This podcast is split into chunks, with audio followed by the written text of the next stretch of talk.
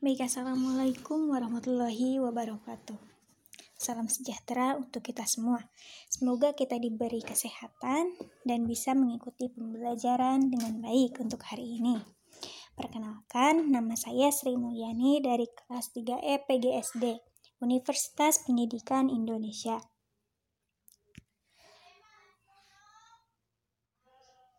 Sebelum memasuki materi, gimana Hari ini sudah siap untuk belajar?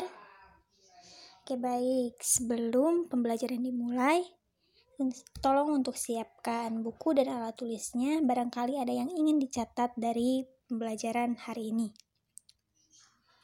Baik teman-teman, di sini kita akan membahas materi selanjutnya, yaitu mengenai dampak sampah terhadap lingkungan.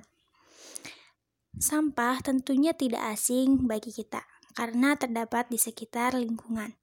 Sampah adalah sisa dari buangan suatu produk atau barang yang sudah tidak digunakan lagi, tetapi masih dapat didaur ulang dan bisa menjadi barang yang berguna atau bernilai. Sampah dibagi menjadi beberapa jenis, di antaranya ada organik dan anorganik. Sampah organik adalah sampah berasal dari sisa makhluk hidup yang mudah terurai. Secara alami atau tanpa proses campur tangan manusia. Sampah organik bisa dikatakan sebagai sampah ramah lingkungan. Karena sampah organik meliputi sisa sayur, sisa kulit bawang, lalu kulit pisang yang membusuk, dan daun-daun kering. Lalu ada sampah anorganik. Sampah anorganik adalah sampah yang sudah tidak dipakai lagi dan sulit terurai. Sampah anorganik yang tertimbun di tanah dapat menyebabkan pencemaran tanah karena sampah anorganik tergolong zat yang sulit terurai, sehingga harus terurainya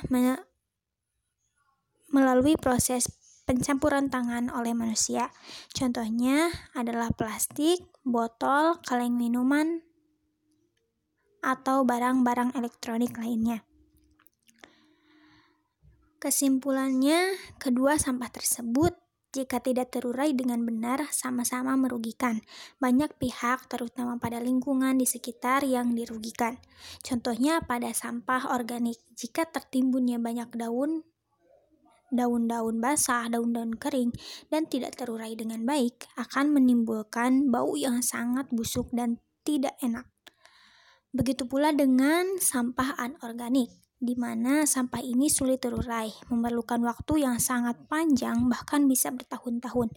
Contohnya adalah sampah plastik yang berserakan. Sudah sudah kita dapat ketahui sampah plastik sulit terurai, bahkan bisa menguras waktu dalam kurun kurang lebih lima tahun.